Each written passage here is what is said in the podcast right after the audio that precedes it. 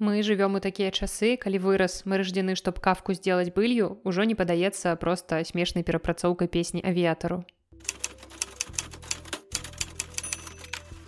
Вітаю, я Наста, а ты слухаеш Белліт, падкаст пра кнігі і каля кніжныя тэмы. Як вы зразумелі, сёння мы пагаворым пра творчасць франца кавкі і ў прыватнасці пра яго раман працэс. Увогуле ў свеце не так шмат пісьменнікаў, ад імя якіх створаныя эпітэты. Гэта значыць, што проза гэтых аўтараў адметная, яны стварылі нешта новае ў літаратуры, што цяпер асацыюецца выключна з іх асобай. Напрыклад, абазнаныя чытачы добра ўяўляюць, што такое лаўкрафтаўскія жахі. І тое ж самае з кавкам і з эпітэтам кавкіянскі. І гэта пэўны стыль, які, мабыць, найярчэй праяўляецца акурат у рамане працэс пра які мы сёння і пагаворым.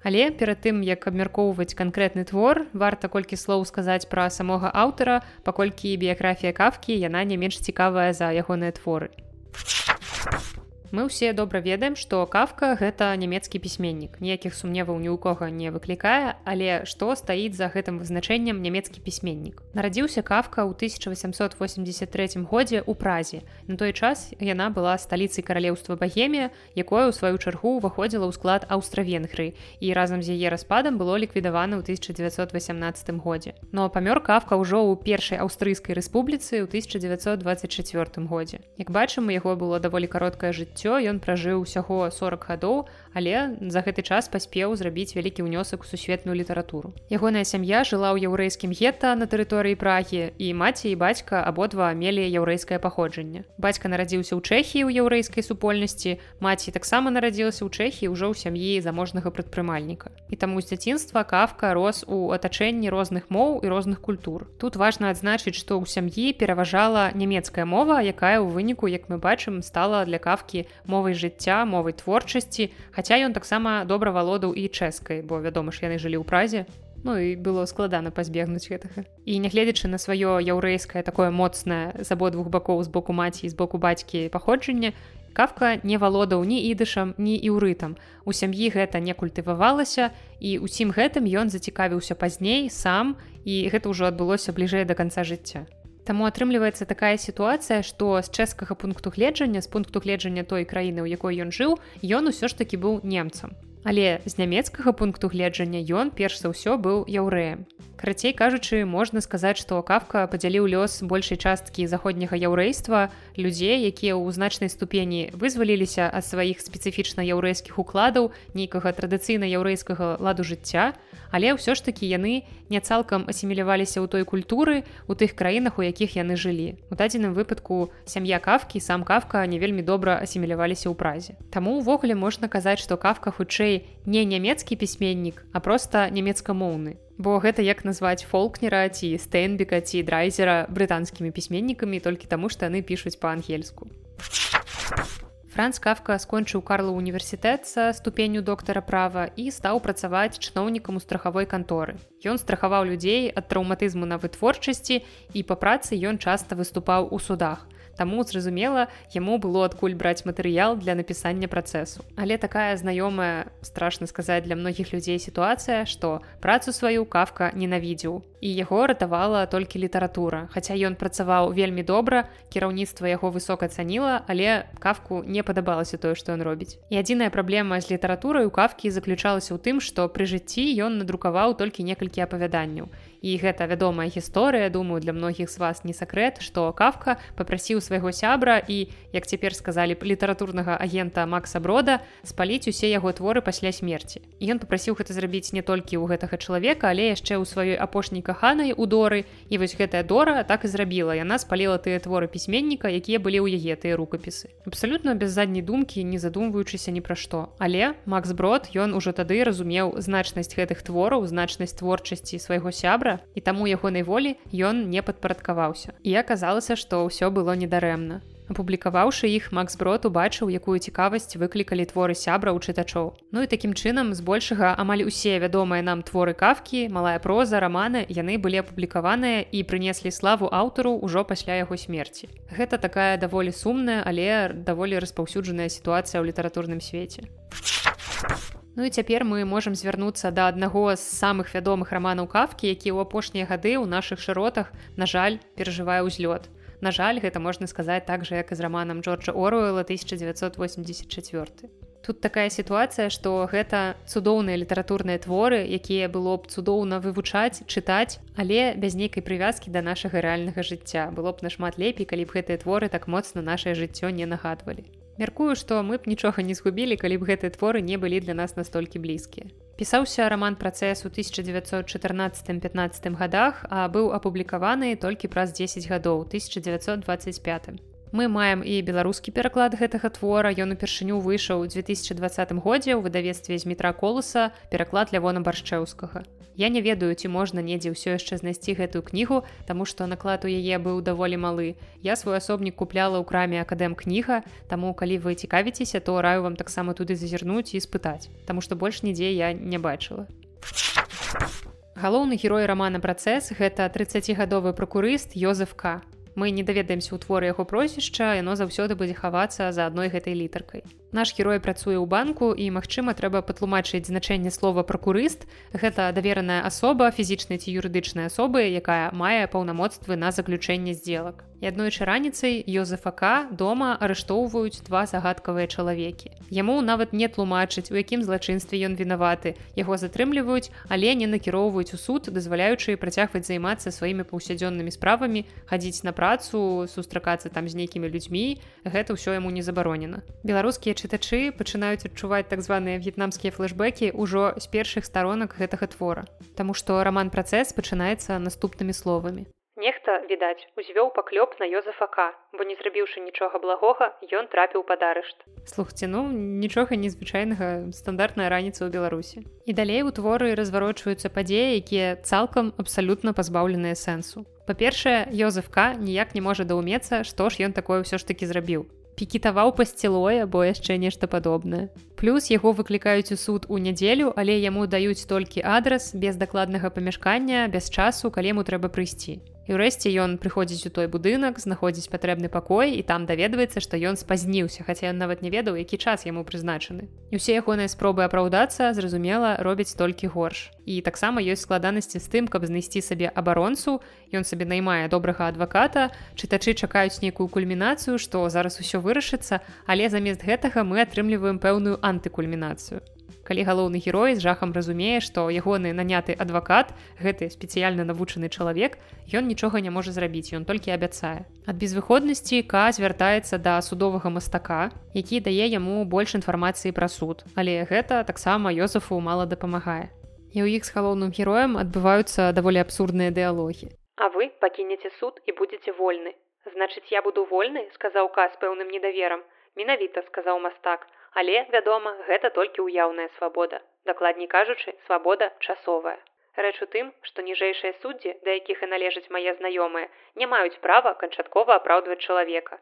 Гэтае права мае толькі вярхоўны суд, які ані для вас, ані для мяне і наогул ані для кога з нас зусім недаступны. Як гэты суд выглядае, мы не ведаем, а і дарэчы сказаць не жадаем ведаць.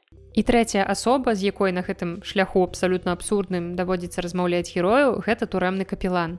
Як і адвакат, як і мастак, ён таксама шмат ведае пра суд, але герою гэтыя веды ягоныя зусім не дапамагаюць.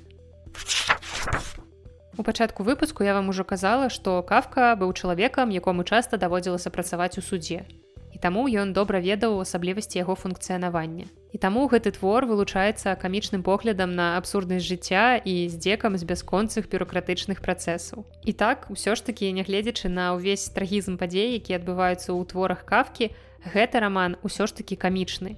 Таму што кафка знаходзіць гумар нават у самых трагічных і самых бесперспектыўных сітуацыях напрыклад таких як арышт і пакаранне невінаватага чалавека і мне здаецца што тыя людзі якія не чыталі ніводнага твора кафкі але шмат чулі пра ягоную творчасць увогуле яны думаюць што раманы кафкі гэта нешта суперзмрочнае беспрасветнае абсалютна страшнае. Але насамрэч сам кафка смяяўся калі зачытваў сябрам некаторыя фрагменты з гэтага рамана і гэта ўсё ж такі камедыя. Праўда камедыя сапраўды крыху змрочная. Гэта змрочная пародыя на прававую сістэму галоўныя элементы якімі ў гэтым творы карыстаецца кафка гэта іронія і сатыра. Напрыклад мы з усмешкай чытаем эпізоды рамана у якіх жанчыны спрабуюць спакусіць галоўнага героя. І дарэчы тут можна ўбачыць сувязь з няўдалым асабістым жыццём самога пісьменніка.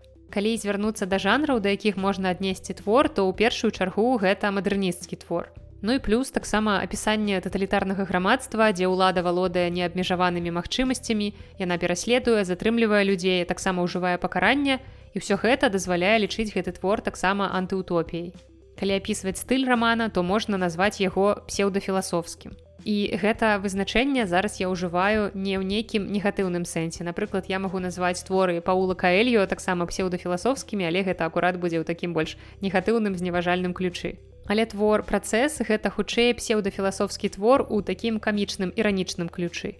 Бо хоць у творы вельмі шмат доўгіх маналогаў, якія гучаць вельмі разумна, яны насамрэч не вельмі лагічныя ці рацыянальныя. Усе гэтыя маналогіі ўключаюць апісанні вельмі складаных, але разам з тым і рацыянальных юрыдычных і бюрократычных сістэм, у якіх кавка цудоўна разбіраўся. Насамрэч менавіта таму, што гэтыя сістэмы такія ірацыянальныя, яны настолькі страшныя. У тым і заключаецца жахлівы сэнс гэтага рамана, што няма ніякага спосабу кінуць выклік сістэме, якую вы не можете зразумець. Вы не можете зразумець, як яна працуе, бо яна не працуе ў адпаведнасці з нейкім здаровым сэнсам або логікай. Яна дзейнічае толькі паводле сваіх уласных, незразумелых і часам вельмі супярэчлівых правіл.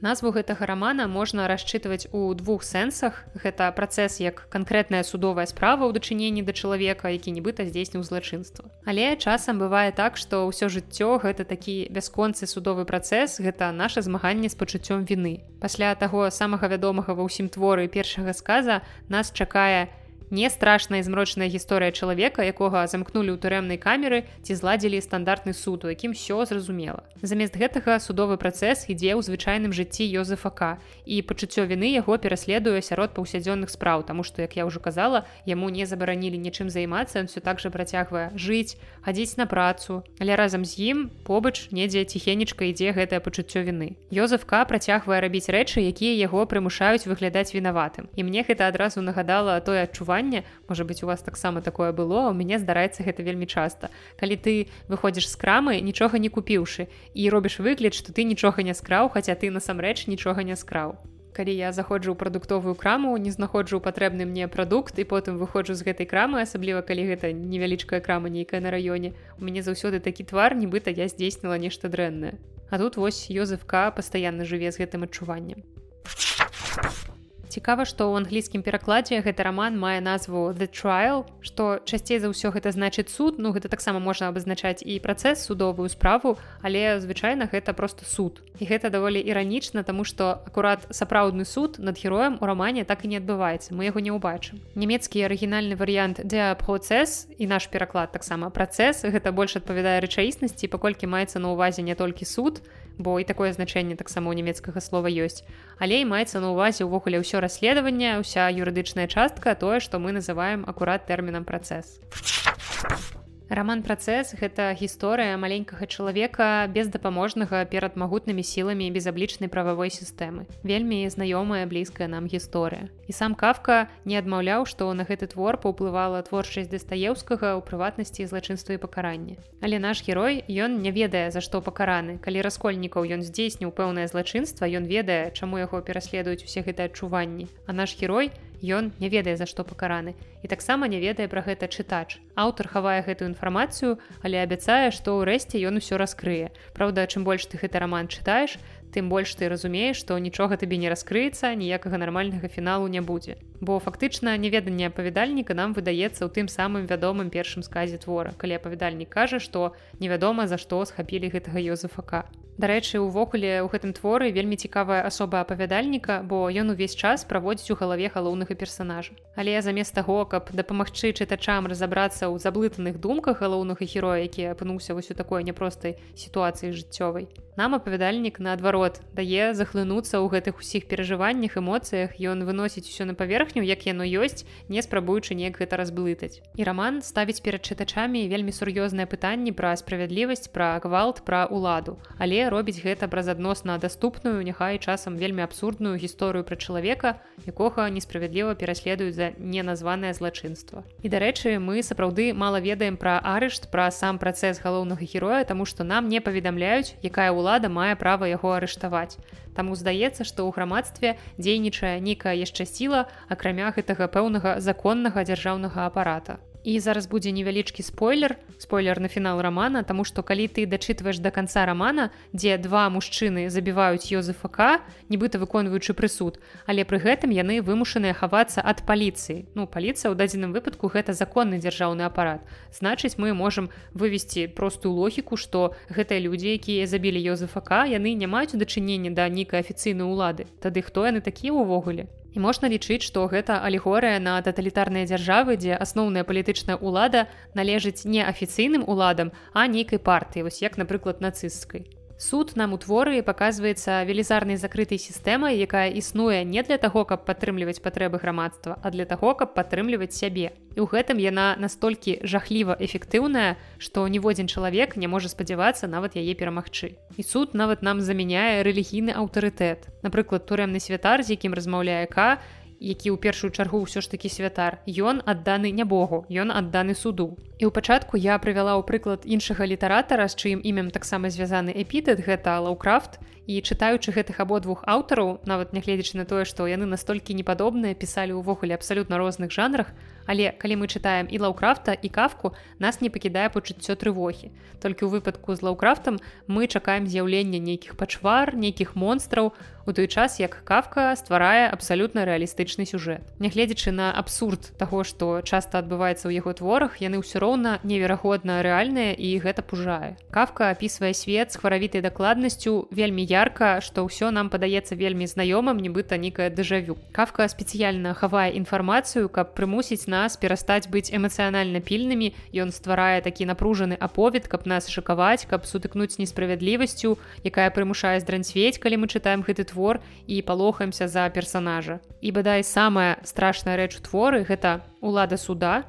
Яна настолькі поўная настолькі ўсё паглынальная што яму нават не трэба кідаць галоўнага героя за краты. Як я ўжо казала што хаця кай затрымліваюць але яго не кідаюць у турму ён працягвае займацца сваімі справамі жыць звычайным жыццём.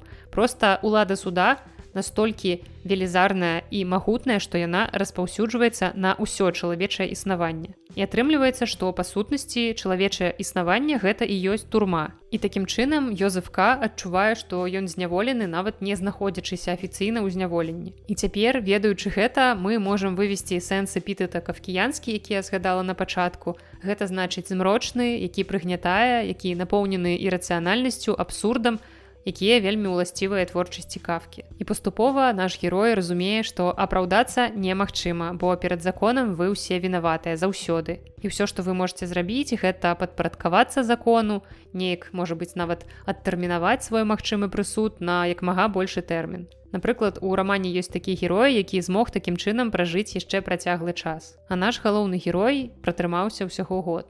Няўжо вы думаеце, што ваш велізарны страшны працэс скончыцца хутчэй, калі вы пачняце спрачацца з намі з вашай аховай пра розныя дакументы, пра ордар на арышт. Мы ніжэйшыя чыны. Мы ў дакументах амаль нічога не разумеем. Наша справа пільнаваць вас штодня па 10 гадзін і за гэта нам плацяць.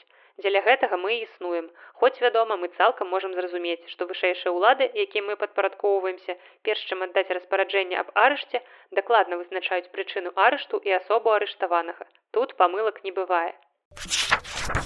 І сёння ў выпуску я ўжо неаднаразова ўжывала слова абсурд у дачыненні да творчасці кафкі ў прыватнасці да рамана працэс. І варта тут, я думаю, звярнуцца да этымалогіі слова абсурд, якое запазычана ад лацінскага абсурдус. Мы можам заўважыць, што гэтае слово складаецца з дзвюх частак. Частка ад гэта ўласна тое ж самае, што беларускі прыназоўнік ад і таксама гэта сурдус, што абазначае глухі. Такім чынам абсурдус гэта ад глухога. І калі правесці паралелі з гэтым творам, то мы можам заўважыць, што увесь сусвет у кнізе, які выражаны гэтым безаблічным судом, ён глухі да спробаў Йозефака сябе апраўдаць. І чым больш наш герой даследуе сітуацыю, палоне якой ён аказаўся, тым менш гэтая сітуацыя аказваецца падмацаваная нейкай лагічнай ці нават прадказальнай структурай. І адпаведна, ніводзін чалавек ці абвінавачаны Йозефка сам, ці адвакат, ці нейкі чыноўнік, не можа паўплываць на сістэму правасуддзя, бо ўсе дзеянні героя героя ўвогуле іншых яны аднолькава неэфектыўныя. што б ты не рабіў ты ўсё роўна не прыйдзеш да нейкай чаканай мэты і таму абвінавачаныя пачыналі шукаць сэнс шукаць выратавання ў нейкіх забабонах ці рытуалах тады ўключаецца адразу магічнае мысленне гэты тэрмін вельмі папулярны ў апошнія часы калі людзі не могуць знайсці логікі і тлумачэння ў нейкіх звычайных рэчах абсалютна зразумелых. Тады яны пачынаюць звяртацца да чагосьці звышнатуральнага адсюль уся гэтая цікавасць да таро да экстрасэнсаў да астролагаў да вось іншай гэтай ерасі. Напрыклад у гэтым творы працэс людзі спрабуюць здагадацца чым скончыцца працэс разглядаючы вусна абвінавачанага. У іх быў такі забабон, што калі ты глядзіш на твар абвінавачанага чалавека, асабліва калі глядзіш на ягоныя вусны, то паводле гэтага ты можаш вызначыць, як яму хутка вынесуць прысуд. Чым больш мы чытаем гэты твор, тым больш пачынаем думаць пра сізіфа і бачым, як падобна ўвогуле тое, што вымушаны рабіць герой, як ён вымушаны дамагацца праўды да сізіфавай працы, як это ўсё падобна цэнтральны канфлікт рамана гэта барацьба Йозефака з законам. Ён абвінавачваецца ў невядомым злачынстве і суд над ім нібыта неабходны для аднаўлення справядлівасці. Аднак у тым, што адбываецца з Йозефам уласна, вельмі мала справядлівага Таму што яму адмоўлена ў чымсьці што нагадвае справядлівы суд. Яму ніколі не паведамляюць як якім чынам ён парушыў закон. Яму не расказваюць нейкія важныя дэталі яго справы. І ў выніку яго караюць смерцю без нейкага глыбокага разумення таго як увогуле быў вынесены прысуд і што ён сам мог зрабіць каб супрацьстаяць яму. Здзейсненае супраць Йозефа падаецца ўвасабленнем несправядлівасці. Не існуе вырашальнага спосабу разабрацца ў сітуацыі, у якой аказаўся Йозеф. Паколькі ў сусвеце рамана няма нейкай адназначнай ісціны, тады кожны факт увогуле можа быць пераасэнсаваны рознымі супярэчлівымі спосабамі. Больш за тое, самі факты часта вельмі сумнеўныя ці ўвогуле недаступныя. І гэта тэма прасочваецца з першых жа слоў кнігі, калі апавядальнік нам вельмі неўпэўнена кажа што хтосьці ўзвёў паклёп на Йозефака і гэтая смутная здагадка гэта найбліжэйшая проста рэчы да тлумачэння арышту Йозефа ў тэксце пакуль Йозеф арыентуецца ці як мы маглі бачыць зусім не арыентуецца у судовай сістэме найважнейшая інфармацыя утойваецца і ад яго і ад чытачоў увогуле на кожным кроку. Судовыя дакументы, нейкія судовыя разгляды і нават сам тэкст закона, які вызначае яго лёс. Усё гэта Йозефу забаронена і вельмі часта гэта таксама забаронена і службоўцам і судовым функцыянерам, якія кантралююць і пануюць над Йозефам. У рамане працэс няма ні супрацоўніцтва, ні таварыства. Кожны чалавек дзейнічае як ізаляваны агент, і людзі сканцэнтраваныя на кантролі над сабой і іншымі, каб рэалізаваць свае нейкія асабістыя пэўныя жаданні. Міжасобасныя ўзаемадзеянні Йозефака таксама вызначаюцца пэўнай іерархіяй і амбіцыі. Ён вельмі дакучліва падлічвае свой статус у адносінах да іншых і разлічвае, як ён можа гэтае становішча выкарыстоўваць з найбольшай выгады для сябе. Йозеф вельмі непакоіцца пра тое, што ім могуць маніпуляваць і ўвесь час ён прыдумляе свае спосабы маніпулявання, маніпулявання іншымі ў сваіх жа інтарэсах. І кожнае рашэнне, якое ён прымае на працы, гэта не проста так, гэта пэўная стратагема ў яго суперніцтве за ўладу з намеснікам банка. Адзінае, што мне застаецца зрабіць, сказаў ён сабе. Роўная хада і яго і спадарожнікаў як бы падмацоўвала гэтую думку. Адзінае, што я магу зараз зрабіць, гэта захаваць да канца яснасць думак і розуму. Мне заўсёды хацелася грэбці жыццё дваццацю рукамі, але далёка не заўсёды з пахвальную мэтаю. І гэта было няслушна. Няўжо я пакажу зараз, што і ў выніку працэсу, які доўжыўся цэлы год, я так нічога і не зразумеў. Няўжо я так і сыду, няўцямна упартым. Няўжо пра мяне потым скажуць, што на пачатку працэсу я імкнуўся яго скончыць, а цяпер напрыканцы аднавіць спачатку. Не, я не хачу, каб гэтак казалі. Я ўдзячны, што на гэтым шляху мне ў спадарожнікі далі гэтых паўнямых тупаватых людзей і што я маю магчымасць сказаць самому сабе ўсё, што трэба. Капка гэта адзін з тых пісьменнікаў, вакол якога ходзіць мноства гісторый і яго вельмі часта абмяркоўваюць людзі, якія яго не чыталі, але яны вельмі шмат чулі пра яго асобу, пра яго творчасць і можа быць маюць нейкія там пэўныя ўжо ўяўленні. Але я ўсё ж такі раю вам скласці меркаванне не паводле чужых слоў, не паводле нейкіх чужых рэцэнзій, нават вось гэтага майго невялічкага водгуку, я ўсё роўна раю вам прачытаць гэты твор. І галоўнае не баяцца, што гэтая кніга гэта нейкі класічны вельмі страшны твор. Бо я лічу, што працэс гэта неверагодна дасціпная, часам вельмі смешная, хаця і абсурдная, да страшнага абсурдная але вельмі цікавая кніга. Магчыма гэта не той твор які хацелася б чытаць цяпер. Я разумею калі вы не хочаце чытаць нешта падобнае што настолькі блізка звязанае з нашай рэчаіснасцю. Але камусьці магчыма наадварот гэты твор дапаможа і стане такой своеасаблівай рэфлексіяй наконт таго што адбываецца. І паўтаруся што гэта зусім не страшны і вельмі цікавы роман Да таго гэты роман мае перавагу. Калі вы знаёмыя крышку з творчасцю кавкі то разумееце што гэты роман прынамсі скончаны. Такім чынам у вас ёсць будзе пэўная завязка і пэўная кульмінацыя пэўная развязка. Хаця не ведаю улічваючы што я рассказываю звычайна ў такіх вялікіх выпусках пра адну кнігу ўсё са спойлерамі Мне цікава вы спачатку чытаеце гэты твор а потым слухаеце мой выпуск або вам не страшна і вы слухаеце выпуск са спойлерамі ўжо потым пачынаеце знаёміцца з творам Але ў мяне ёсць такое, як мне здаецца, вельмі непапулярнае меркаванне наконт таго, што класіка гэта не тая рэч, у якой варта баяцца спойлераў. Немагчыма пражыць жыццё і ні разу не пачуць пра тое, што карэнне накінулася пад цягнік. І выбачаюся, калі зараз для кагосьці гэта быў спойлер. Зразумела, што калі мы там сачылі за выхадам новай серыі гульні тронаў, то вельмі непажадана было дзесьці прачытаць пра тое, што ж у гэтай серыі адбудзецца, калі ты яшчэ яе не паглядзеў. Але мне нешта падказвае, што класічная літаратура працуе трошкі інакш. Хаця ведаеце, у мяне на філфаку была такая выкладчыца, цудоўная жанчына, якая проста неверагодна выкладала літаратуру, якая была бязмежна захопленая сваёй справай. Яна вельмі класна расказвала пра творы, але яна была проста жахлівым майстрам спойлераў. Я проста як сёння памятаю, хаця гэта ўжо было даволі шмат гадоў таму недзе каля 10, можа быць менш. Як яна нам расказвала пра творчасць рэмарка, і амаль цалкам даслоўна там слова ў слова пераказала ўвесь сюжэт твора на заходнім фронте без пераменаў і потым я чытала гэты твор і у мяне просто нічога не зварухнулася ў душы я чытала і думала ага про гэта памятаю і вось пра гэта Ева александровна рассказывала. Ну клас дзякуй Дякую што падрыхтавалі мяне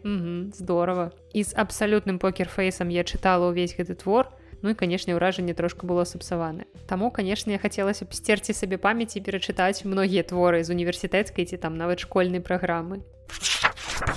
Ну і ў канцы сённяшняга выпуску мне хацелася б канешне пажадаць, каб нашы дзеці, нашы ўнукі, не мелі патрэбы ў гэтых творах у творах кавкі у творах оруэла для таго каб адрэфлексаваць сваю рэчаіснасць. Мне вельмі хочацца каб гэтыя творы для іх засталіся пэўнымі артефактамі пэўнай эпохі нейкімі важнымі вехамі ў гісторыі сусветнай літаратуры якія ўжо цяпер нічога не значыць для іхняга жыцця. А на сёння гэта ўсё. З вами была наста франц кавка Йозефка і падкаст белліт і трошачки абсурд. Да сустрэчы